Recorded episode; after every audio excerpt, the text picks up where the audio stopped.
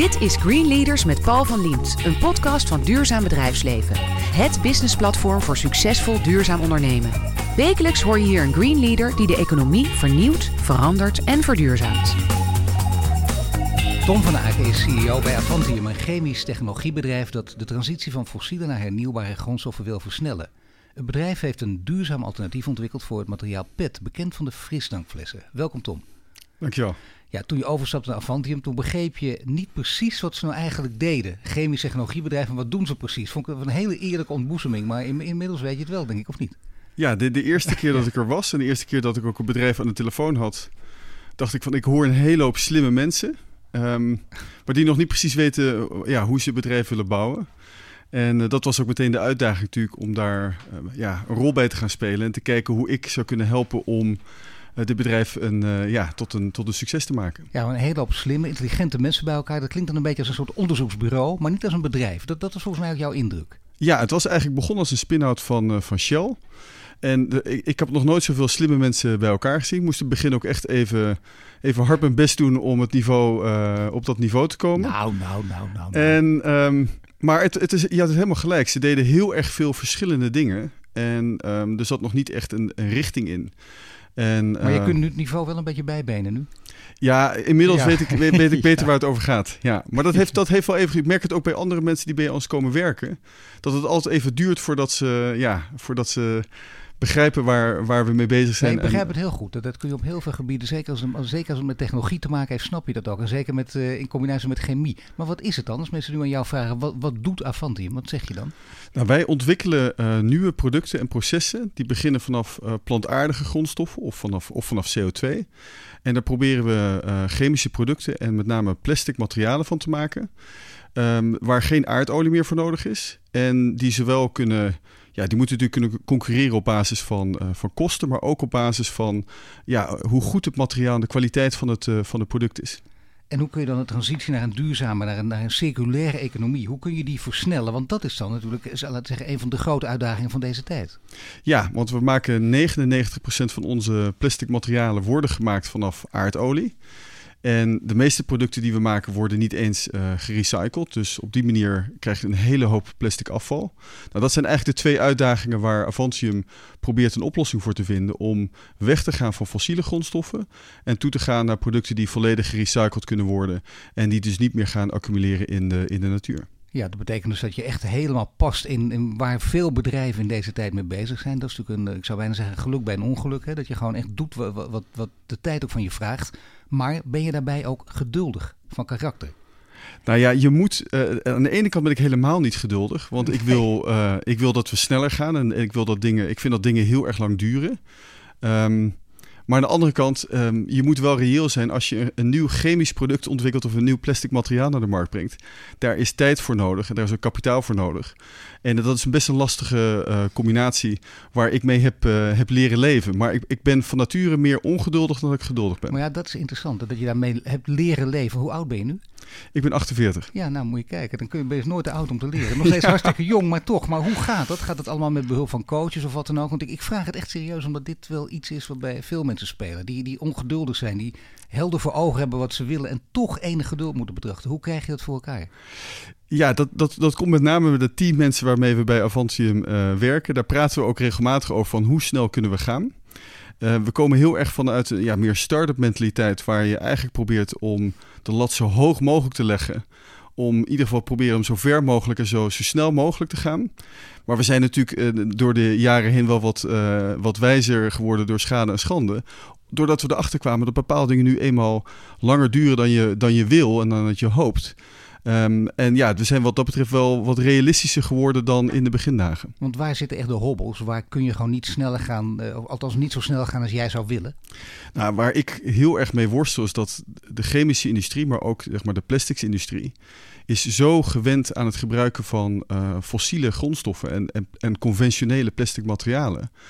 En er, is, uh, er zijn heel weinig mensen die echt hun nek willen uitsteken om iets nieuws te doen. En iedereen ziet wel dat het anders moet.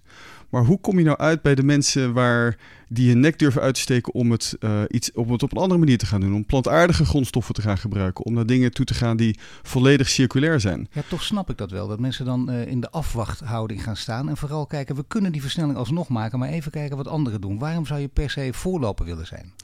Ja, kijk, als, je, als iedereen die houding heeft, uh, dan wordt het natuurlijk heel lastig. En dat, eigenlijk zie je dat. Uh, maar gelukkig zijn er mensen die wel vooruitkijken, die ook wat verder vooruitkijken. En um, ik denk dat iedereen op dit moment ook wel begrijpt van hé, hey, deze transitie gaat komen. Maar probeer maar eens die eerste partij te zijn. Als je kijkt naar de bierbrouwers in de wereld. De bierbrouwers zeggen allemaal tegen ons: wij willen toe naar nieuwe verpakkingsmaterialen. Maar niemand wil de eerste zijn. Nee. Ja, dat is natuurlijk. Uh, dat is, aan de ene kant is dat, uh, is dat. Vinden sommige mensen zullen dat grappig vinden van een heel conservatieve bierindustrie. Maar aan de andere kant is dat natuurlijk ook wel een beetje droevig. Dat er niet iemand is die op een gegeven moment zegt van... hé, hey, ik neem een risico... Maar als het ook goed gaat, dan pak ik ook een enorme kans om een enorme ja, marktaandeel te krijgen. Nee, ben ik helemaal met je eens. Dat is namelijk de andere kant van ondernemer. Dat ondernemers in dit geval dus geen risico durven nemen. Dat is eigenlijk heel gek. Maar dit is wel, eh, ook in jouw geval helemaal, bij, bij Avantium, een, een echt groot risico. In de zin van, als het misgaat, wat dan? Ja, maar eh, wij heel simpel. Wij, ik word betaald om risico te nemen. Tuurlijk. En um, als mensen investeren in Avantium of partneren met Avantium, dan weten ze dat dat een risicovol bedrijf is. Terwijl als je kijkt naar hele grote bedrijven, uh, die er al heel lang zijn, dan zie je dat mensen eigenlijk betaald worden om risico te vermijden. En uh, ja, dan kom je dus in een status terecht waar er heel weinig uh, verandert. Dan, krijg iedereen... je, dan moet je op de winkel gaan passen. Jij bent ja. toch iemand die gewoon echt voor reuring wil zorgen en die ook het lef en de durf heeft. Maar dan, dan, ga je er dus wel afwegen. Wat zijn de risico's? Stel, alles gaat mis, wat gebeurt er dan? Stel, het gaat goed, wat gebeurt er dan? Ja. Denk je ook in die termen? Ja, ik denk heel erg na van wat zijn de kansen die we hebben? Wat gaat als het goed gaat, hoe groot wordt het dan? Waar gaat het product voor gebruikt weer worden? En hoeveel geld kan je daarmee verdienen? Nou, zullen we dat eerst even doen? Dan ja. Geef maar antwoord daarop op die vragen.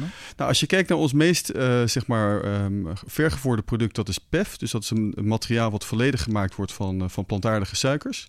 Nou, maar het is PET, even voor de duidelijkheid. De PET-flessen ja. kennen we, maar dit is PEF. Dus een stapje verder. Ja, dus PEF, het, het, het scheelt één letter, maar dat, het is echt wel een heel ander, uh, heel ander product.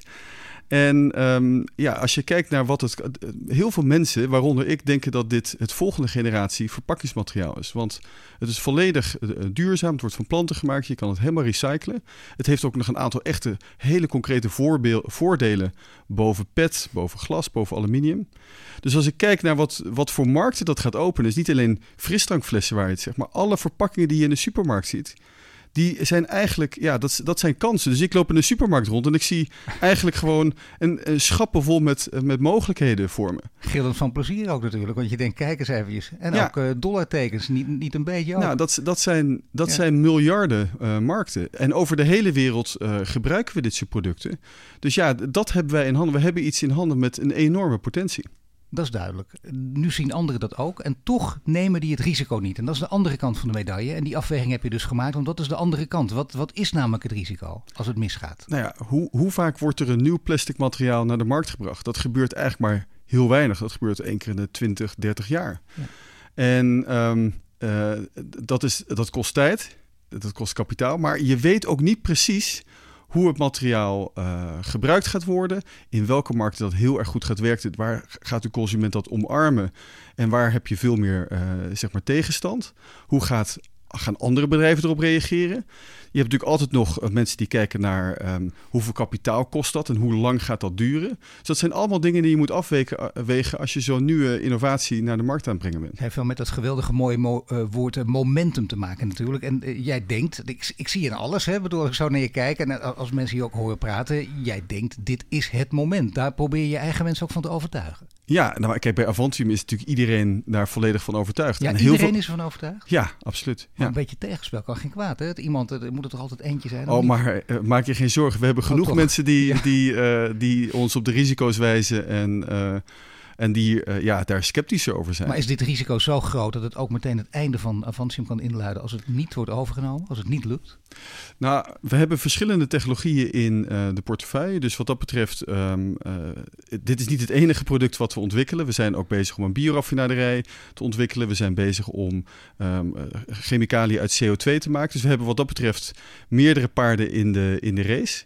Ja. Maar we kunnen, wat dat betreft, we gaan echt niet het, het precies verdelen over al die verschillende technologieën.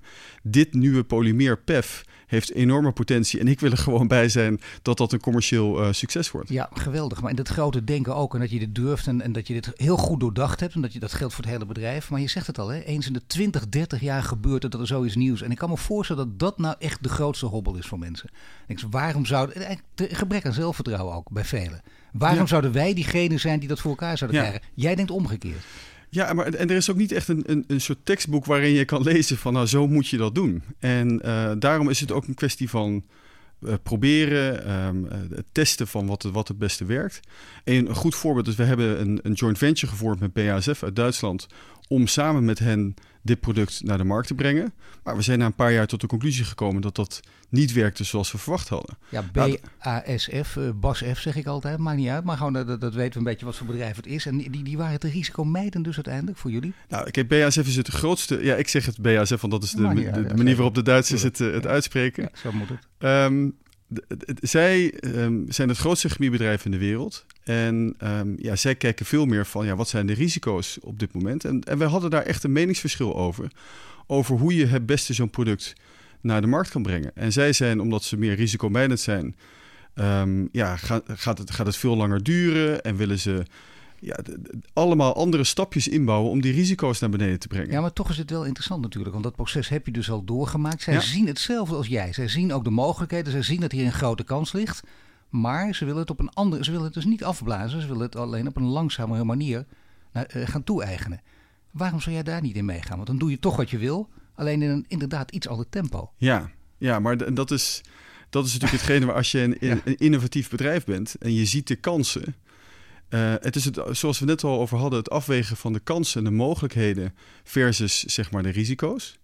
En ik denk dat we er een enorme fout mee zouden maken door dat langzaam te doen. Je hebt, we zijn natuurlijk niet de enige in de wereld die aan dit soort producten werken. Dus als je daar veel meer tijd voor zou gaan nemen, dan heb je ook het risico dat je opeens door een ander bedrijf uh, voorbij gelopen nou, wordt. Het tekent ook de openheid uh, waarmee je hierover praat. Je denkt niet, ik ga niks zeggen, want ik ga anderen niet, uh, niet wijzer maken. Dat zou bijna onzin zijn ook. Hè? Mensen weten dit gewoon, dus daar kun je ook over ja. praten. Maar dat betekent, er zijn inderdaad meerdere kapers op de kust. Zo is het wel.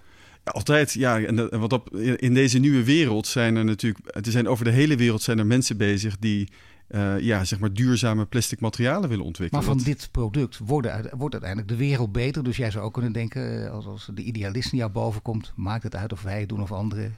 Zonder ja, van al die miljarden. Nou, op, op zich maar ben ik, de wereld ik ben er beter van. Ik ben het er wel zeker mee eens. Het is zeker ook goed voor de markt als er meerdere partijen zijn die dat product maken, want dan groeit de markt alleen maar sneller van. En de markt is zo groot dat het ook helemaal, dat maakt helemaal niet uit. Het is echt niet dat ik me zorgen maak, kunnen wij dan nog wel genoeg geld verdienen? Die markt is zo gigantisch groot zoals we in het begin hadden. Dat is prima. Maar de eerste zijn heeft ook wel heel veel voordelen. Ik zie daar heel veel mogelijkheden voor uh, om als, als eerste naar de markt te komen. Wat zijn product. de grote voordelen? Nou, dan zet je natuurlijk echt de, de standaard over de kwaliteit van het product, in welke applicaties het gebruikt wordt. Ja. Um, daar zitten, ja, mensen raken eigenlijk gewend aan het product wat, jij, wat ze van jou gebruiken. En dan, dan moet een andere partij moet daar dan uh, moet daar nog maar even aan dat niveau zien, uh, zien te komen. Nee, dat is inderdaad waar. Ja. En bovendien wordt daar toch gevoelsmatig ook de meeste waarde aan toegekend. Dat, zien we, dat kun je het verleden wel leren natuurlijk. Hè? Van de eerste is bijna altijd ook de beste. Althans zeker in, in de ogen van de mensen. Ja, of en er zijn natuurlijk, maar er zijn altijd mensen die denken dat je beter, ja, zeg maar, risicolozer als tweede op de markt kan komen. Maar ik ik zie er juist heel veel voordelen van als eerste zijn. Dan heb je de schaalgrootte, dan heb je echt een aantal hele, ja, hele significante voordelen. Je zei eerder in dit gesprek, uh, Avantium is een spin-off van Shell. Ja. En daar heb je misschien te maken met, uh, laten we, als we het dan toch over de hoofden van de mensen hebben. En, en ook uh, ja, een beetje de ogen en de oren van de mensen. Ja, die kunnen daar nog wel eens door afgeschrikt raken. En in de markt kan, kan men ook denken, wacht even, Shell, daar heb ik toch een heel andere uh, associatie bij. Speelt het ook een rol, af en toe in negatieve of misschien juist in positieve zin voor jullie? Nou, kijk, de, de, de oorspronkelijke technologie die we hebben om um, katalysatoren te ontwikkelen, die komt vanaf, die is bij Shell ontwikkeld in de jaren negentig.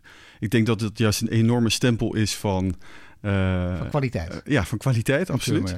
En uh, Shell is zelf uitgestapt als aandeelhouder al tien jaar geleden. Dus wat dat betreft um, zit er niet echt nog een, een connectie mee met, met Shell. en wij hebben wat dat betreft helemaal ook onze handen vrij om met andere partijen te werken. Dus ik, ik heb zelf, wij hebben daar eigenlijk helemaal geen, geen last van. Maar je hebt er geen last van. Het is ook belangrijk om die connectie eigenlijk niet zoveel meer te maken, omdat dat die er niet meer is ook.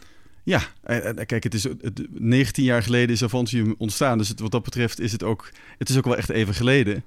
Ehm, en um, ik denk dat heel veel mensen naar ons kijken nu helemaal niet meer als een Shell spin-off. Maar we zijn inmiddels beursgenoteerd. Um, een enorm ambitieus, maar ook enorm innovatief bedrijf in de chemische industrie. En dat zijn er niet zo heel erg veel. Nee, want dus, hoe reageert de chemische industrie op, uh, op jullie technologie? Nou, dat, dat is wel de afgelopen jaren veranderd. Want uh, ik, ik kan me nog heel goed herinneren dat ik, uh, nou, pak een beetje tien jaar geleden bij verschillende grote bedrijven aanklopte met dit zijn we aan het doen. En nou ja, er werd niet gelachen, maar er werd wel redelijk schamper over gedaan van jongens, uh, dit, voordat dit wat gaat worden, dat... en inmiddels zijn mensen tot de conclusie gekomen: hey, die hele transitie naar hernieuwbare grondstoffen, die gaat veel sneller dan we gedacht hadden. En ze zitten natuurlijk zelf voor het allergrootste gedeelte in fossiele grondstoffen.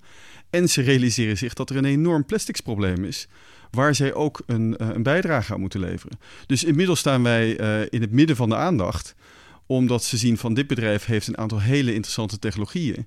En uh, ja, en, en, zijn we dus ook in gesprek met dit soort bedrijven? Want wij hebben ze uiteindelijk ook nodig om onze technologieën uh, te, ja, te commercialiseren. En dit maakt het verhaal, moet ik eerlijk zeggen, eigenlijk nog mooier natuurlijk, als het lukt. Altijd, er zijn ook de mooiste verhalen. Met eerst schamperen, er wordt schamper over je gedaan, mensen geloven je niet, zet je een beetje weg, ach flauwekul, luchtfietsers en je krijgt het toch voor elkaar. Ja, maar dat is, dat, dat is achteraf gezien is dat altijd uh, ja. leuk om daar zo over te praten. Als je midden in die strijd uh, zit en de deuren worden in je gezicht dichtgeslagen, dan, um, dan is dat aanzienlijk uh, is dat minder leuk. Maar ik ben het nee. heel met je eens. Ja. Dit, dit is natuurlijk mooi dat deze omslag er komt en dat mensen zich realiseren. Ja, dat deze transitie echt uh, ja, nu realiteit wordt. Maar je hebt gelijk, het is even minder leuk op het moment dat het tegen zit en die deuren worden dichtgeslagen. Ben je wraakzuchtig of niet? Nee, totaal niet. Goed zo. Nee, nou ja, dan ben je wel empathisch. Nou, het schijnt dat mensen, de robots en mensen zich uh, op die zin, in die zin van elkaar verschillen natuurlijk. Hè? De robots zijn niet empathisch, de robots zijn niet wraakzuchtig, mensen wel. Jij bent het allebei wel of niet? Nou, volgens mij ben ik zeker ben ik, ben ik empathisch, kan ik me absoluut inleven in andere, in andere mensen. Maar nee, voor, uh, voor, voor, voor wraakzuchtige gevoelens daar is helemaal geen, uh, geen tijd of plaats voor. Je hoort Tom van Aken. Net spraken we over hoe Avantium bijdraagt aan de transitie naar een circulaire economie. En zometeen praten we verder over zijn achtergrond en zijn stijl van leidinggeven.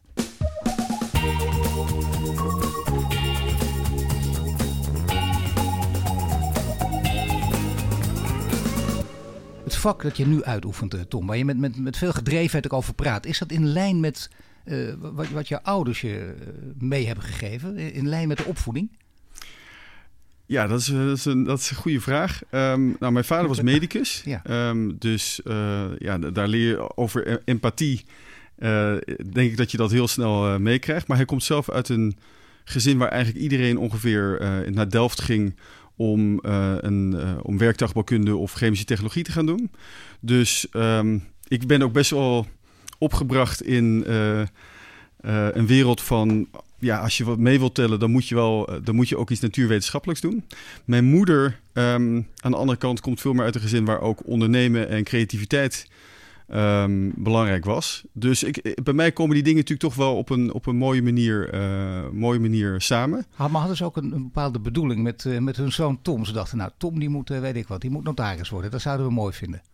Nee, ik denk dat als je kijkt naar de, de zeg maar, met name de familie van mijn vaders kant, dat, dat ging veel meer naar, ja, naar natuurwetenschappelijke en, en technische functies. En alleen, ik, heb natuurlijk, ik ben eerst bij DSM gaan werken. Ja. Nou, dat paste helemaal in, in, in de lijn waar dat, uh, ja, waar, zeg maar, dat, dat was goed. Toen waren ze trots ook. Ja, de, absoluut. En, um, maar toen ik daar wegging, toen was mijn vader toch wel even, uh, ja, had het daar wel even grote vraagtekens bij. Van wat ga je nou, je zit op een heel goed carrière traject bij, bij DSM. En waarom ga je nu, kies je nu voor een heel onzeker start-up avontuur? Dat, dat, uh, dat begreep je in het begin niet. Nou ja, dat heeft natuurlijk aan de ene kant met generatie te maken. Aan de andere kant ook een, ook een hele reële overweging. Die, die zul je zelf ook gemaakt hebben, of niet? Ja, absoluut. En, je bent geen uh, roekeloos type. Nee, maar ik, ik, ik was toen 35 en ik dacht van... Probeer eens wat. Nou, ik, ik had in Amerika, ik, ik heb een tijd in Amerika gewerkt, toen zag ik heel veel biotech-ondernemers. Dat waren eigenlijk gewoon mensen die hadden een PhD gehaald. Hadden een slim idee, die haalden een paar miljoen van uh, wat investeerders op, huurden een laboratorium en gingen aan de slag. En ik dacht, ja, wacht even, dit, in mijn tijd ging iedereen ging naar een grote corporate multinational omgeving om daar management trainee te worden. Dus ik, heb, ik had echt zoiets van, ik heb even een, ik heb een afslag gemist. En ik wilde heel graag eh, ja, toch wat eh, op die leeftijd proberen. Om dat kijken of dat iets voor mij was. En daar ben ik heel blij omdat ik dat gedaan heb. Heb je zelf deze beslissing genomen? Vind ik ook een hele, hele logische afweging natuurlijk, die je dan op dat moment gemaakt hebt. Want je, je wil inderdaad, eh, je wil gewoon niet missen wat er echt gebeurt in deze tijd. Of althans in die tijd. Maar heb je dit overlegd met, met goede vrienden, met een partner? Ja, ik heb het absoluut overlegd met mijn vrouw. Want het is natuurlijk, er zaten wel wat risico's aan. En zij heeft me ook volkomen hierin gesteund van... als, jij, als je gevoel... Want mijn gevoel zei eigenlijk dat ik dit moest doen. Maar het was natuurlijk best lastig, want ik begreep eigenlijk helemaal niet goed wat Avantium deed. Dus um, dat was, daar zaten wel wat, wat onzekerheden aan. Nee, maar dit soort intuïties die liggen dan heel diep natuurlijk. Want je zag het om je heen en, en meestal uh, klopt dat ook wel. Maar inderdaad, als je dan een vrouw hebt die zegt, uh, dat gaan we niet doen veel te groot risico, dan wordt het best lastig. Ja, nou dat was gelukkig, zij was daar volledig uh, heel erg uh, positief over. Mag ik weten wat zij doet, wat haar achtergrond is? Uh, ja, zij, zij werkt in de uitgeverij, dus totaal wat anders. En um, het is ook, ja, het is, zij werkt in, in, in een hele andere wereld dan dat ik werk, maar we kunnen, zij kan dat wel heel goed spiegelen. Toen jullie in Amerika waren, toen heb je daar niet alleen maar gewerkt, maar ook gewoond. Ja, ja, we woonden... En met z'n tweeën? Ja. En, dus dat betekent wel, de vrouw volgt de man. ja. nou ja, ja, enigszins wel. Maar we hebben hoef je niet heel... voor te schamen. Nee, nee, nee. we hebben dat wel heel leuk aangepakt. Want zij wilde wel, ze wilde wel mee, maar ze wilde wel werken. Ja. En um, DSM, waar ik toen werkte, die, uh, ja, die ze hadden heel veel verhalen erover. Maar uiteindelijk organiseren ze voor zo'n partner eigenlijk niks. Dus we hebben toen een prijsvraag uitgeschreven van wie regelt de baan voor Jelka. Die mag een week bij ons in New York komen. En, um, en op die manier heeft ze, kon ze kiezen uit meerdere banen. Dus dat, was, dat is uiteindelijk heel goed verlopen. Dat is een hele handige aanpak ook ja. trouwens. Ja. En um, nee, we hebben daar met ontzettend veel uh, plezier gewoond. We hebben daar twee, toen onze oudste twee kinderen zijn daar geboren. Dus dat was, een, dat was echt een hele belangrijke tijd in, in, ons, uh, in ons leven. Ja. Ben je daar ook anders over uh, bijvoorbeeld, nou, laten we zeggen, het, het containerbegrip duurzaamheid gaan denken? Heel eerlijk gezegd op dat moment... Um, nou, was ik daar niet mee bezig. Ja, je en bent ik nooit een sok geweest, als ik je, je cv goed lees, maar weet je daar wel een beetje geworden. Nee, en ik, in, nee. Heel, heel eerlijk gezegd, in Amerika eh, had ik op dat moment echt... Dat was totaal niet waar mensen mee bezig waren. Mensen waren met name bezig met geld verdienen en... Uh, ja, en start-ups. Heel. Ik werd heel erg gegrepen door het start-up idee. Maar, maar ook voor jou ook vanuit het idee, het is leuk, maar vooral omdat je er veel mee kan verdienen. Ja, absoluut. Ja. En uh, dat hele duurzaam... dat hele... iemand die dat gewoon zegt. en dat, ja, dat duurzaamheidsdenken, dat kwam eigenlijk pas, dat is pas later gekomen. Daar wil ik ook eerlijk over zijn. Ik was echt geen treehugger of iets dergelijks. Ik, uh, we zijn ooit bij Avantium met groene chemie begonnen. Niet omdat wij dachten van, we gaan de planeet redden. Maar we dachten op dat moment heel simplistisch van, nou, ooit gaat olie een keer op zijn. Dus zullen we een keer over moeten naar iets anders.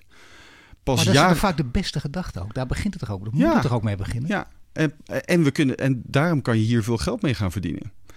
En pas jaren later kwamen we tot de conclusie: wacht even, we, dit is ook iets wat heel erg in, het, uh, in duurzaamheid past. En toen heb ik er natuurlijk veel meer over geleerd en veel meer over gehoord. En inmiddels is mijn denken daarover natuurlijk enorm uh, veranderd en aangepast. Ja, in welke zin? Nou ja, dat zijn nogal veranderingen in je leven. Want je kunt ook zeggen: ik blijf daar heel praktisch in staan, maar dat is iets meer, iets zweveriger geworden. Nee, dat niet hè. Nee, maar gewoon als je, ja, god, ik heb, ik heb ja. scheikunde gestudeerd, dan ga je toch gewoon kijken naar wat, uh, ja. begrijp ik wat er gebeurt. En, um, en begrijp ik daarom waarom deze, ja, waarom deze transitie nodig is. En, ik, ik, begrijp heel veel mensen zullen dit horen denken van ja, dat past heel erg in het straatje van Avantium, dus daarom zegt hij dat. Maar mensen die mij goed kennen, die weten ook dat ik hier zelf heel erg in geloof dat we dit, we gaan dit de komende, dit wordt de transitie en dit wordt de uitdaging voor onze generatie. Maar heeft het te maken met veel meer boeken lezen, veel meer kennis opdoen of, of ook bepaalde gesprekken die echt getriggerd hebben, waardoor je dacht, wacht even, die is zo gek, is dat groene gedachtegoed nog niet? Ja, allebei. En ik, ik kan me nog heel erg goed uh, herinneren dat ik in 2007 naar een presentatie ging van Mark Linnes over Six Degrees. Hoe de wereld verandert als de wereld er 6 graden uh, warmer wordt. En per graad beschrijft hij dan ja. wat er dan gaat veranderen. Nou, dat, dat soort presentaties hebben heel erg mijn ogen open gedaan van... Wacht even, maar deze, deze ja, veranderingen zijn... Dit, moet, dit moeten we heel erg serieus nemen. Dus dat, dat besef is, is er wel gekomen. Ondanks de tegenkrachten, mensen die, die van nature zou ik bijna zeggen in jouw oude kamp zouden zitten, die, die nog steeds zeggen van dit is flauwekul, dat allemaal overdreven, die, die, die klimaatpanels moet je niet zo serieus nemen van de VN. Uh, de klimaatgekkies moeten ophouden. Hè? Dat is toch altijd het tegengeluid. Jij denkt, nou wacht even, dat, dat tegengeluid dat is inmiddels uh, door mij gesmoord. Nou, het, het, ik denk dat het absoluut gesmoord is. En ik, ik heb daar. Uh, ik, ik ben absoluut geen, uh, geen uh, zeg maar belangrijke persoon in de discussie over, die, over, over, over klimaatverandering. Alleen ik, heb, ik zie het wel. En ik zie gewoon dat het, Ja. waar vroeger misschien 20% van de mensen belangrijk vinden, vindt nu 80% het belangrijk. Ja, en er zijn nog altijd 20% die, die beweert dat het niet, eh, niet gebeurt en niet zo is. Maar ik ben heel erg blij dat 80% inmiddels wel tot de conclusie is gekomen. En Nou daarmee hebben we een hele goede eh, basis. En jij bent met jouw achtergrond en met je ervaring geen gelovige, maar iemand die ziet wat er gebeurt en die gewoon op basis van rationele argumenten ook deze koers vaart. Ja, ja. Nou, er zijn er meer kantelpunten. Hè? Dit, dit, is, dit is een behoorlijk kantelpunt in je leven. Je kunt ook, eh, je, je noemde deze lezing, je kunt ook eh, mensen zeggen, die, die hebben het gelukkige omstandigheden dat ze ooit bijvoorbeeld El Gore ontmoet hebben. Ja. En dat gesprek maakte dan indruk. Dat soort verhalen kun je altijd hebben. Maar bij jou heeft nog iets anders ook indruk gemaakt. Dat zal ik ook nooit vergeten. Heb je ooit eens eerder gesproken en dacht ik, kan niet waar zijn. Het is wel waar. Eh, namelijk eh, 11 september, eh 9-11. Wat is er toen gebeurd? Ja, nou ja, wij, wij woonden op dat moment dus in, eh, in New York. En eh, wij zaten op 11 september 2001. ehm, waren we in Nederland geweest. We zaten in het vliegtuig naar, naar New York toe. En eh, ja, dat zal ik natuurlijk nooit vergeten. Dat je midden in de lucht, midden, althans midden boven de oceaan zit. Echt letterlijk halverwege. En dat er opeens wordt omgeroepen dat er eh, twee vliegtuigen gekaapt zijn. En in het World Trade Center eh, gestort zijn. Waar wij dus, eh, ja, wij, wij waren op weg daar naartoe. Dus dat was natuurlijk een, echt een, een heel surreële eh, ervaring. Het is onvoorstelbaar. Het is echt onvoorstelbaar. Ik bedoel, en, en dat doet toch iets met je. Als, je. als je later ziet wat er werkelijk gebeurd is. En dat jij in dat vliegtuig zat en er zo dichtbij was. Ja, ja en, en maar gewoon ook heel erg raar. En het eigenlijk, volgens mij pas kwam het echte besef pas door toen we terug waren in Amsterdam. En ik mijn telefoon aandeed en natuurlijk eh, weet ik hoeveel eh, sms'jes kreeg eh, van mensen van die zich heel veel zorgen maakten waar wij waren. Tuurlijk. Maar het meest raar, wij zaten in dat vliegtuig met onze oudste dochter, die op dat moment één was. En die had natuurlijk totaal niet door wat daar gebeurde. Dus die liep gewoon daar vrolijk eh, door dat vliegtuig heen. En die vroeg zich alleen af waarom we twaalf uur later weer terug waren op Schiphol en weer in plaats van dat we ergens anders waren. Maar het was, een, het was inderdaad echt een, ehm, ja, wel heel speciaal, heel bijzonder om zo, eh, ja, zo dicht bij zo'n ja, hele relevante ontwikkeling in de geschiedenis eh, te zijn. Maar zijn het echt van die, van die markeringspunten? Ik bedoel, het einde van de zorgeloosheid. Ik, ik probeer maar een beetje, maar dat, is, dat hoort ook bij het leven. Ja, het heeft, het heeft absoluut veel indruk gemaakt dat je, dat je het ook echt dus, eh, dat er zoiets gebeurt en dat je het niet alleen maar ziet op televisie, maar dat je er zelf zo dichtbij bent. En we, zijn een week later naar New York teruggegaan, want daar woonden we. En ik kan me nog goed herinneren toen we daar terugkwamen. En iedereen om ons heen, en wij zelf ook, wij kenden ook, iedereen kende mensen die die dag omgekomen zijn. Dus dan, eh, dan komt het opeens wel heel erg, eh, heel erg dichtbij. Nu is er in je leven veel meer gebeurd. Hè? Je hebt eh, veel in mooie landen kunnen wonen en werken. Niet alleen in Amerika, ook in India, in China. Goed om je heen gekeken. Eh, nu al een tijd eh, ook leider. Dan, dan neem je natuurlijk heel veel mee van dit soort ervaringen. We zijn in deze serie echt op zoek naar nieuwe leiderschap. Ook het, eh, het duurzaam leiderschap, als je het zo zou willen omschrijven. Wat heb je meegepikt uit al die culturen? Nou, ik heb, ik heb het geluk gehad dat ik bij DSM heb gewerkt en ongeveer zeven jaar en daar heel erg veel heb kunnen leren. Dus ook heel veel heb kunnen reizen. Dus ook bijvoorbeeld in landen als, eh, als India, China en daar ook ja, zeg maar, eh, producten naar de markt heb gebracht. Daar heb ik ontzettend veel van geleerd over hoe het is om zaken, om zaken te doen in het buitenland. En heel veel verschillende culturen. Dat is daarna heel erg belangrijk eh, gebleken toen ik bij Avantium ben komen werken. Ehm, dus echt, maar de echte basics heb ik bij DSM kunnen leren. Maar de echte basics van het ondernemen heb ik natuurlijk pas eigenlijk geleerd toen ik bij eh, Avantium was. Want als je bij een bedrijf werkt met enorme ambities, met heel veel slimme mensen om je heen, dan wil je eigenlijk al die ambities en ja, die slimme dingen wil je waar gaan maken. Maar dan realiseer je dat je daar niet alleen slimme mensen en goede ideeën voor nodig hebt, maar ook dat je daar veel kapitaal voor nodig hebt en sterke partners voor nodig hebt. En daar heb ik natuurlijk de afgelopen ja, 15 jaar enorm veel in geleerd over hoe dat spel werkt. En ehm, ja, Kun je dat, er iets over vertellen, wa- wa- wat je daar vooral geleerd hebt? Ja, nou, als je bij een groot bedrijf werkt, is er eigenlijk altijd geld. En daarmee word je eigenlijk, eh, dat is een soort luxe positie waar je helemaal aan, eh, aan gewend bent. Maar als je bij een klein bedrijf eh, bent, werkt, en er komt een heel goed idee, en je, realiseert je van, hier hebben, we miljoenen voor nodig, of tientallen miljoenen voor, voor nodig om dit te realiseren. Dan ga je natuurlijk nadenken, hoe kom ik aan dat kapitaal? En, en dan realiseer je dat geld, dat, dat hebben andere mensen beheren, dat kapitaal. En ik moet hen ervan overtuigen dat ze dat in ons bedrijf gaan investeren. En ik heb echt gedurende de jaren, ik denk, nou, ik weet, bij honderden bedrijven en investeerders heb ik gepresenteerd. Ja. En ik heb natuurlijk in het begin eh, daar ook eh, enorme fouten in gemaakt door dingen te simpel voor te stellen of veel te complex te maken. Dus uh, ik heb daar heel veel van geleerd over hoe, je, hoe dat spel werkt. Ja, maar dat is leuk als je dat zegt, want dat, vaak hoor je dat wel. En dat idee heb ik eigenlijk ook. Uh, je moet het zo simpel mogelijk voorstellen. Dat wil zeggen, het moet allemaal op een A4'tje kunnen. Ja. En als je dan tegenover degene zit, de investeerder die misschien met jou mee wil gaan, die al, die al een heel eind in dit traject gevorderd is, die wil ook niet meer dan dat. Maar dat vind je dus ook niet dus de, de juiste nee, nee, want er zijn heel veel uh, best zeg maar geavanceerde investeerders die heel goed willen begrijpen wat het precies is. En wat dat betreft helpt het ook dat ik met mijn achtergrond ik kan het ook echt helemaal uitleggen hoe het, uh, ja, zeg maar op chemisch niveau, hoe dit, uh, hoe dit soort dingen, uh, hoe dit werkt. Ja, dat maakt het geloofwaardiger. Dat maakt het veel geloofwaardiger. Maar het, het, nadeel daarvan is, is dat als jij bij een, een meer generalistische aandeelhouder bent of investeerder bent, dat je veel te veel het over de technische details hebt. Die wil dat helemaal niet horen. Die wil eigenlijk gewoon horen, het is een goed product, goede technologie, ja. dit zijn de risico's en zo gaan we er geld mee verdienen. Dus ik heb gewoon heel erg geleerd om heel goed te kijken naar wie er tegenover me aan tafel zit. Ja, ook een definitie van empathie is dat, hè? Gewoon weten hoe je mensen moet inschatten. Ja. Ja, maar en, en dan, dan nog steeds is het. Je hebt, er is niet één modus waar het altijd mee werkt. Er gaat een ongelooflijke hoeveelheid energie in zitten om mensen ja, te overtuigen. Um, dat waar wij mee bezig zijn, dat dat het, de, ja, de propositie is waar zij uh, geld in moeten Maar heeft dat, heeft dat wat je nu zegt, heeft dat ook met leiderschap te maken? Dat, ik denk zeker dat het met leiderschap te maken heeft. Want het is iets wat nog in een vroege fase zit, wat nog niet bewezen is. En jij moet aan mensen uitleggen waarom dit de wereld gaat veranderen en waarom het. Kijk, als je nu terugkijkt, iedereen uh, had willen investeren in ASML. Maar je, je, je, had er eigenlijk bij willen zijn voordat het echt begon. Nou, zo hoop ik dat dat mensen. Daar probeer ik mensen van te overtuigen als ze naar Avantium kijken. Kijk, dit is nu nog in een vroege fase. Dus je kan nu nog in een vroege fase instappen in iets wat een enorme potentie heeft. Ja, het heeft natuurlijk ook risico's, maar het heeft ook een enorme potentie. En dat probeer ik, dat is hetgene wat ik aan mensen probeer duidelijk te maken. Maar je probeert het aan anderen duidelijk te maken, of ook binnen je eigen bedrijf. Want dat heeft ook vaak met leiderschap te maken. Dat je echt iedereen moet meekrijgen met een lelijk woord draagvlak uh, moet zien te verkrijgen.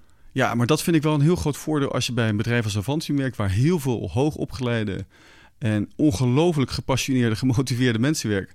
Heel eerlijk gezegd, ik vind dat helemaal niet moeilijk om die mensen enthousiast te krijgen. Of uh, je moet meer, er moet meer duidelijkheid en richting zijn. Maar het is niet dat ik uh, daar mijn energie uh, voor de energie moet overdragen. Dus je hoeft daar niet het alfamannetje te spelen, niet het type leider zijn, het, het Elon Muskje of er zijn heel veel van die gasten natuurlijk te noemen en die allemaal echt met de vuist op tafel slaan en die gewoon als, als een aap op tafel staan te schreeuwen en iedereen met zich meekrijgen. Dat, dat is niet jouw stijl. Nee, dat is niet mijn stijl. Dus nee. misschien had dat beter gewerkt, dat weet ik niet, maar zo, zo zit ik niet in elkaar. Hoe zit je dan wel in elkaar? Nou, je, ik geloof... je bent ook geen, geen softie. Nee, maar nee. daar, zit er wel een, daar zit nog wel wat ja, natuurlijk. Nee. smaken tussen, gelukkig. Ja. Um, nee, maar ik, ik, ik hou er heel erg van om hele goede mensen uh, naar Avantium te, te krijgen. Ik ben echt heel erg trots op het team wat we hebben staan. En het, ik, voel, ik voel er veel meer voor om het team, zeg maar, zijn gang... Ja, de, de, de, je moet de mensen faciliteren en de mogelijkheden geven om uh, die ambities waar te maken. Ja, maar en natuurlijk je als je hele goede mensen hebt. En komen ze vanzelf bij Avantium aankloppen? Of, of heb je een speciale uh, heb je een, een, methode ontwikkeld om de beste mensen aan je te trekken? Nou, in het begin was dat best moeilijk. Want uh, toen, als je kijkt in 2000, week tussen 2005 en 2010, toen dachten mensen echt van ja, weet je, dit is een. dit zijn, deze mensen zijn aan het dromen. Ja. Nu zijn we beursgenoteerd en we hebben grote partners. We hebben, uh, iedereen realiseert zich van ja, dus nu komen heel veel mensen komen meer uit zichzelf naar Avantium toe. Dat maakt ook weer eens niet veel makkelijker, eh, want dat betekent ook, je, daar moet je weer de juiste mensen uitzien te, te kiezen. Hoe maar, doe je, maar hoe doe je dat? Nou, voor een groot deel is dat toch intuïtie om te kijken van uh, wat zijn de mensen die het het beste bijpassen. Ja, dus geen harde screening zoals het vaak in de boekjes staat of als je op trainingen of zelfs hele goede trainingen kunt leren. Maar je denkt, dit kunnen we redelijk op intuïtie af. Nee, we, we, we doen natuurlijk uitgebreid uh, referentiechecks en, en kijken echt wel naar iemand naar de harde skills. Maar uiteindelijk wat bepaalt is of iemand qua persoonlijkheid goed bij het team past. En dat kan je niet met al deze, met, met de testen die je beschrijft, kan je dat kan je dat niet testen. Je moet Zagrijnige stoorzender die, die zich heel blij en aardig kan voordoen, maar na een half jaar door de mand valt. Ja, die, die moet je niet hebben. Die nee, die, wel probeer, die, die probeer je naar uit te filteren. Ja.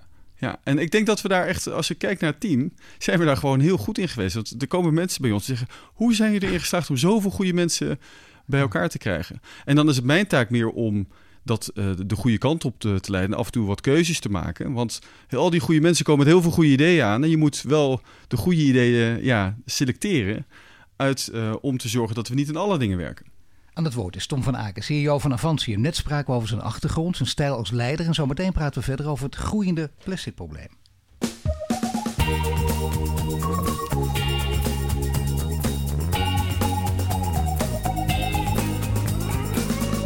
Bij mij in de studio Tom van Aken, CEO van Avantium. En net spraken we over zijn rol als leider in de nieuwe economie. Nu gaan we het hebben over wat er moet gebeuren om het plasticprobleem een halt toe te roepen. Plastic, nu het onderwerp van gesprek. Er gebeurt veel, ook op het gebied van beleid. Uh, wat kan volgens jou de meeste impact hebben? Gaat het om bedrijfsleven, gaat het om politiek of heeft de consument daar een grote rol in? Ja, Je gaat niet kiezen. Dat, nou ja, dat, Ah, is, nee. dat, is, dat is eh, de, de, de, de, de lead zal moeten komen van bedrijven. Want kijk, de bedrijven bepalen uiteindelijk wat voor materialen er gebruikt worden. Ja. En de consument heeft natuurlijk een enorme rol, want die gebruikt die materialen en die bepaalt daarna of dat materiaal netjes gerecycled wordt of dat het eh, ergens wordt achtergelaten. De overheid moet eigenlijk met name de kaders neerzetten. Kijk, de overheid gaat niet een nieuw materiaal die gaat, eh, naar de markt brengen, die gaan niet een fabrieken bouwen, die gaan niet recyclen. Dus die moeten met name de kaders schetsen. En de maar de daar hoort ook bij af en toe eh, zorgen dat er geld beschikbaar is. Want je ziet bij hele Ja. grote ideeën achteraf dat de overheid daar een beslissende rol in heeft gespeeld. Klopt, en dat, ben ik ook, dat gaat hier ook zijn. Ben ik helemaal mee eens. De overheid kan uiteindelijk kiezen door bepaalde dingen of met reguleringen of met financiële subsidies of fi- financiële incentives zorgen dat bepaalde nieuwe ontwikkelingen sneller gaan. Zonnepanelen, elektrische auto's, noem maar op. Dat kan niet zonder steun van de overheid, zonder subsidies. Ja, en, maar dat is een versnelling. Kijk, die elektrische auto, die was er sowieso wel gekomen. Maar hoe snel gaat het, daar kan de overheid een rol in spelen. Ja, nu is het zo dat eh, de consument, eh, die noemde ik ook, die speelt natuurlijk ook een rol. En de consument eh, ja, die houdt er vaak niet van als hij eh, opgevoed wordt. En als, als er een, een vingertje naar hem gewezen wordt. Of als Ja. de discussie heel moralistisch gaat worden. Hoe kun je dat vermijden? Ja, ik, ik denk door gewoon te zorgen dat je, dat je een product hebt waar mensen gewoon intrinsiek blij van worden. En waarvan ze, Ja. ja, waarvan ze meteen aanvoelen, dit is een product wat echt beter is. Ja, niet alleen maar het is goed, het redt de wereld. Want als je dat steeds maar inramt, dat, dat eh, ha- hakt het toch niet in bij mensen volgens mij. Een kleine groep wel, maar nooit als je de massa mee wil krijgen, toch? Daar ben ik wel met je eens, maar ik zie wel dat de nieuwe generatie consumenten veel eh, bewuster is op dit vlak. Dus als je kijkt naar, naar jongeren, dan zie je dat die, die, die zijn misschien niet zo bezig om de wereld te redden, maar die willen wel zorgen dat de producten die ze gebruiken, dat, dat, die, daar verwachten ze eigenlijk van dat de, de producent en de retailer daarover heeft nagedacht. Over wat daar de, ja, de, de koolstofafdruk van is of wat, wat de impact Maar dat is. is een grote massa, een substantiële massa jongeren. Of is dit ook nog steeds een kleine voorhoede van, laten we zeggen, 10, 15 procent? Nou, ik heb bij, eh, eh, zoals je weet, hebben we, eh, werken we veel samen met, met bedrijven als Coca-Cola. En dat vind ik altijd heel erg interessant om te kijken hoe die hier naar kijken. Dus eh, wij zaten daar aan tafel en de eerste keer. Ja, goed om dit even te vertellen. Nee, sowieso. Dit hele verhaal met Coca-Cola. Waarom zat je daar aan tafel? Nou, Coca-Cola kwam in 2010 met eh, een plantbottle eh, op de markt. En dat was tijdens de, de klimaatconferentie op dat moment in Kopenhagen. En eigenlijk voor ons als een complete verrassing kwam het grootste merk ter wereld. We willen toe naar, naar verpakkingen die niet meer gemaakt worden van olie, maar van planten. En dat noemden ze plantbottle. Maar ze zeiden van ja, deze plantbottle die we nu hebben, die bestaat maar voor 30% uit planten, voor 70% uit aardolie. En we willen graag naar producten toe die helemaal van planten gemaakt worden. Nou, dat was natuurlijk een fenomenale kans. Dus we zijn direct op het vliegtuig gestapt naar eh, Coca-Cola om te laten zien waar wij mee bezig waren. Nou, de eerste keer eh, werd een beetje aardig geknikt, maar zeiden ze van, jongens, hebben jullie al eens een fles geblazen? en toen dat niet zo bleek te zijn, zeiden ze van, nou weet je, kom maar terug als je dat gedaan hebt. Maar goed, toen... eh, eh, een jaar later konden we ze de eerste fles laten zien. Die zag er nog niet zo mooi uit, zal ik eerlijk bekennen. Maar ehm, ze, ze konden het gewoon eigenlijk niet geloven aan die kant van de tafel... dat er iemand was die gewoon een fles had gemaakt... die volledig van suikers was gemaakt, van plantaardige suikers. En ehm, toen wij dat... Maar we zeiden dat en toen zeiden zij aan het eind van de meeting van... nou, dankjewel. En wij zeiden van oké, en hoe gaan we nu verder? En toen zei ze, nou ja, eerlijk gezegd geloof het niet. En we hadden echt zoiets van, je gelooft niet, hoe, bedoel je? En ehm, ja, weet je hoeveel gekken er per dag naar Coca-Cola komen om iets te zeggen wat, eh, wat de hele markt gaat veranderen? Dus we hebben dat uiteindelijk opgelost door een aantal kilo PEF aan ze te leveren. Zodat ze zelf flessen hebben geblazen, het zelf nog eens even helemaal naar konden kijken. En toen ze dat hadden gedaan, ze zagen dat het materiaal ook zo goed was. Eh, toen zijn ze bij ons teruggekomen van, hé, hey, we willen hier heel graag met jullie aan gaan, eh, aan gaan samenwerken. Ja, maar je hebt net gezegd, eh, voordat je onderbrak, wij leren aan die tafel ho- hoe zij denken. Hun manier van denken leerde ik. Bedoel Ja. je dit met die manier van denken of bedoel je daar wat anders Nee, mee? daar bedoel ik wat anders mee. Want ze vroegen bij een van de eerste meetings van... nou, toen was ik, weet ik veel, 42. Van, dat vroegen ze ook van, hoe oud ben jij? 42. En toen werd er meteen een beetje meewarig gekeken. En toen zei ik van, nou, wat, wat, wat is het probleem?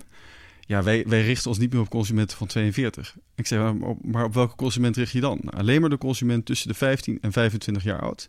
Want dat zijn de mensen die de, bepalen wat er de komende jaren aan nieuwe producten uh, nodig is. Nou, daar kan je heel erg naar kijken, dat soort leeftijdsdiscriminatie. Maar dan zie je hoe een groot consumentenbedrijf hoe die kijken naar, naar de jeugd, naar het belang van de jeugd. Dus als jij zegt van ja, die jeugd is misschien een, een klein stukje van uh, de voorhoede. Maar daar wordt bij zo'n groot bedrijf dus heel anders naar gekeken. Nee, dat vind ik heel interessant. Nee, maar natuurlijk, als zo'n groot bedrijf dat zegt, want die denken in het grote aantal en massa, die denken dus dat, dat inderdaad grote, hele grote groepen jongeren hier aan willen. Ja. Dat hebben zij onderzocht. Het heeft niks met discriminatie volgens mij te maken. Het is dan gewoon marketing, sociologie ja. ook. Ja, ja en, dat is, en daarom geloof ik er ook in dat die hele transitie uiteindelijk een enorme versnelling gaat krijgen. Want je krijgt die, die jongere generaties, die gaan dit soort nieuwe producten die wel plantaardig zijn, die wel duurzaam zijn, die wel recyclebaar zijn, die gaan die omarmen. En dan gaat zo'n transitie opeens heel erg snel. En Ja. dat wordt natuurlijk een hele interessante periode. Ja, in welke zin een interessante periode? Dat je, dat het, dan is het echt vallen of opstaan? Of dan, gaat het, dan merk je echt of het gaat lukken of niet? Als iedereen het omarmt, is het ook echt iedereen? Dan heb je over hele grote getallen, met heel veel nullen. Ja, en dat, maar kijk, ik, ik kijk terug, probeer dan iets uit de historie te halen. Van ik denk van, nou, hoe kan zo'n transitie gaan? Nou, als je kijkt naar frisdrankflessen, hebben we het nu toch over. En op een gegeven moment, eh, er waren, vroeger waren het glazen flessen. Toen kwamen op een gegeven moment PVC-flessen, weet je, met zo'n rare eh, plastic eh, ding aan de onderkant. Ja. En toen kwam daar in eind jaren tachtig kwam daar voor het eerst een petfles. En nou, bedrijven als Coca-Cola waren gingen experimenteren met hoe gaat de consument nou reageren op die petfles. En die petfles die heeft die hele markt in een aantal jaar volledig op zijn kop gezet. Niemand wilde meer glazen flessen kopen, niemand wilde meer PVC-flessen kopen. Terwijl die petfles duurder was dan de alternatieven. En waarom? Omdat het gewoon veel meer, het was lichter en het sloeg ontzettend goed aan bij die consument. Nou, dat is dus, zo probeer ik nu naar de toekomst te kijken. Van wat gaat er nu veranderen? En hoe snel gaan die transities nou En uiteindelijk dit gaat net zo'n grote revolutie worden als destijds met de petfles. Nou, daarom vind ik het zo belangrijk dat dit product in de supermarkt terechtkomt. Want ik wil gewoon zien hoe die consument erop reageert.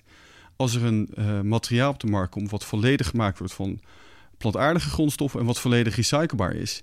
Wat totaal anders is dan alle conventionele plastics die we nu gebruiken. Waarom aarzelen de supermarkten nog? Waarom gaan ze niet meteen mee? Nou ja, na dit gesprek wel, maar ik bedoel, zeg maar, tot, tot dit moment. Nou, dit, dat is altijd een afweging van wie, daar komen we weer op terug, wie durft als eerste zijn nek uit te steken. Ja. En je moet niet vergeten, net als die petfles, die was in het begin wat duurder. Daarom was men in het begin bij die grote merken ook, en ook bij de retailers wat huiverig van ja, het is duurder.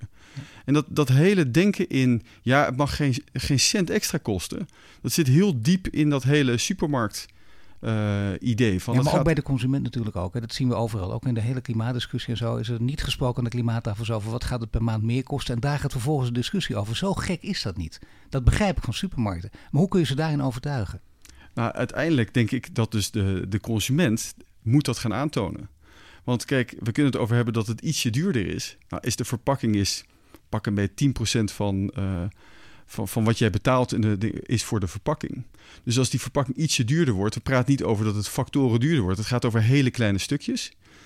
En ik denk dat de consument, eh, wat dat betreft, en dat, dat blijkt ook uit onderzoek, als, het, als, het, als hij het alternatief heeft en het, is, Ja. het heeft geen groot prijsverschil, dan, gaat die, eh, dan, gaat, dan gaan met name de jongere consumenten gaan kiezen voor die meer duurzame variant. Nou ja, dan moeten de supermarkten dan heel gevoelig voor zijn. Laten we zeggen in Nederland de Jumbo's en de Albert Heijns. Die moeten toch gevoelig zijn voor een groot bedrijf als Coca-Cola. Dat zegt, ja, je betaalt wat meer, maar let maar op. Wij weten hoe de jongeren denken. Ja. Dan zou ik denken, dan is 1 en 1 2. Ja. Dat gaat vanzelf. Ja, en, en daarom is het zo belangrijk dat dit soort producten op, op, op schaal geproduceerd worden.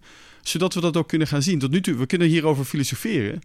Maar over een paar jaar, dan ligt die fles, of dan Ja. ligt die verpakking van PEF in de supermarkt. En dan kunnen we het daadwerkelijk gaan zien. Nou heb je het wel steeds over eh, de grote schaal en de snelle transitie. Maar eh, met Bas F ga je niet door. Het zou een hele grote fabriek worden in Antwerpen geloof ik. Hè? Maar de nieuwe Sinvina fabriek heet die jullie gaan bouwen. Die, die wordt een stuk kleiner dan aanvankelijk met eh Bas F de bedoeling was. Ja, nou, we hebben afscheid genomen van, van BASF. Daarom hebben we ook overigens nu afscheid genomen van de naam Savina. Want dat was eigenlijk de joint venture tussen Avantium en BASF. We gaan nu onder Avantiums vlag gaan we door. We gaan eh, dit product nu zelf naar de markt brengen. Met een heel andere naam. En onthullen maar die naam. nee, dat gaat onder de vlag van Avantium. Dus het- wat dat betreft komt er niet een andere, andere merknaam. Maar we gaan een kleinere fabriek bouwen. Dus niet meer 15 tot 50.000 ton, maar 5.000 ton fabriek. Die gaan we bouwen, die willen we zo snel mogelijk gaan bouwen. En we zijn nu met partners in gesprek uh, uit de hele keten over grondstoffenleveranciers, over mensen die die plastic materialen willen gaan gebruiken. En natuurlijk waar, dat, uh, waar die eerste fabriek gebouwd gaat worden. En uh, dan is de bedoeling dat in 2023 dit product op de markt komt. Heb jij een, een voorkeur voor waar die gebouwd moet worden? Ik ben wat dat betreft niet heel uh, nationalistisch. En ik nee. kijk wat dat betreft met name naar uh, de plek A, waar natuurlijk gewoon alle infrastructuur en uh, zeg maar ja, de harde criteria aan voldaan wordt. Waar we goede mensen kunnen vinden. Maar geld is natuurlijk hier een heel belangrijke rol. En we zijn wat dat betreft met ja. overheid bezig in Duitsland, in België en in Nederland. Om te kijken in elke regio wat zij voor ons kunnen bieden. Maar is dan Duitsland het beste alternatief voor Nederland of België? We komen steeds een stapje verder, toch? ja. Nou ja, dat, dat is heel moeilijk om dat zeg maar zo. Uh, je mag het nog niet zeggen. Je weet nee, het al, dat, maar dat, je denkt, je gaat het nog niet prijzen. Nee, dat, dat, uh, dat klopt. Nou, is PEF recyclebaar? Je zegt het al, de hele keten is belangrijk. De infrastructuur voor inzameling en recycling kan al die verschillende soorten plastic nu nog niet verwerken. Wat moet daar gebeuren? Want dit moet ook snel gebeuren. 2023 zeg je nu, dat is dichtbij. Ja. ja. Nou, we hebben heel erg veel gekeken naar hoe het materiaal gerecycled uh, kan gaan worden. En um, het kan eigenlijk net als PET heel goed wat dat betreft in de bestaande recyclingketens uh, gebruikt worden. Ook in de sorteringsinstallaties. Dus je kan PEF-flessen kan je daar automatisch uitsorteren. En we weten ook dat je PEF-flessen naar PEF-flessen, maar je kan ook van PEF weer naar andere producten toe. Dus van de recyclingkant weten we eigenlijk al heel erg veel. Er is nog nooit een plastic materiaal naar de markt gekomen waar we bij voorbaat eigenlijk al precies weten hoe we dat aan het eind van de keten moeten oplossen. Dan komt altijd de vraag in dit soort gesprekken van oké, en wat gebeurt er nou als er een onverlaat toch die fles in, uh, in de natuur gooit? Nou, je stelt zelf zo goede vragen. En wat is het antwoord? Nou, daar hebben we nu dus, en, en van de meeste bestaande plastics weten we dat nog steeds niet. Maar bij, bij PEF zijn we dat nu dus heel uh, ja, intensief aan het onderzoeken. En we hebben nu al gezien dat uiteindelijk als zo'n fles in de natuur belandt, dat die uiteindelijk veel sneller afbreekt dan, uh, dan conventionele plastics. Dus bij conventionele plastics zoals PET duurt het 400 jaar. Sommige mensen zeggen zelfs 1000 jaar voordat die is afgebroken. Zo. En hier is het niet een kwestie van honderden jaar, maar een kwestie van jaren voordat die PET-fles uh, zal afbreken in de natuur. Dus dat voorkomt dat. Het is niet de bedoeling, want we positioneren het materiaal echt als een recyclebaar plastic. Ja. Maar mocht het zo zijn, dan krijg je dus niet enorme ophopingen van plastic afval uh, van PEF. Um, uh, zoals we dat nu zien bij conventionele plastics. Nou, niets uh, houdt je me tegen, zou ik dus bijna zeggen. En uh, stel dat mensen bijvoorbeeld over een jaartje of dertig nog even naar deze podcast willen luisteren. Zou kunnen, wij leven allebei nog natuurlijk, dat halen we makkelijk. En dan kun je ook makkelijk de voorspelling doen. Dan kunnen we ook checken of het waar is in 2050. Of we dan van de fossiele grondstoffen af zijn. Heel veel mensen, heel veel rapporten gaan er ook over. Denk je dat dat een reële schatting is of niet? Het zou moeten om te voldoen aan het akkoord van Parijs. Maar met de snelheid waar we nu mee gaan, uh, gaan we dat bij lange na niet halen. En dat is, de meeste mensen kijken naar de energietransitie, hè, naar je, je benzine en je diesel ja. die je dan niet meer hebt. Ik kijk met name naar de grondstoffen voor de chemische industrie. Ongeveer 10, 15 procent van die olie die we nu gebruiken, gaat de, olie, gaat de chemische industrie in. En ik denk dat we in 2050 de meerderheid van de grondstoffen die we dan gebruiken, dat die plantaardig zal zijn en niet meer fossiel zal zijn. Kijk aan, maar dan is wel tempo geboden. Absoluut. En, en het ga, we gaan op dit moment lang niet snel genoeg. Dus voor alle mensen die uit de chemische industrie zijn die dit horen, die, die transitie ja. zullen we echt enorm moeten versnellen om dat waar te maken. Oké, okay, nou, dus nog even een wijze les tot slot. Dankjewel Tom. En je luistert naar de Green Leaders podcast van Duurzaam Bedrijfsleven. Volgende week zijn we terug met een nieuwe Green Leader. Dit was de Green Leaders podcast voor deze week. Volg onze website voor meer nieuws over succesvol duurzaam ondernemen. Wil je meer afleveringen luisteren? Abonneer je dan nu via iTunes of Spotify en krijg een melding wanneer er een nieuwe podcast online staat.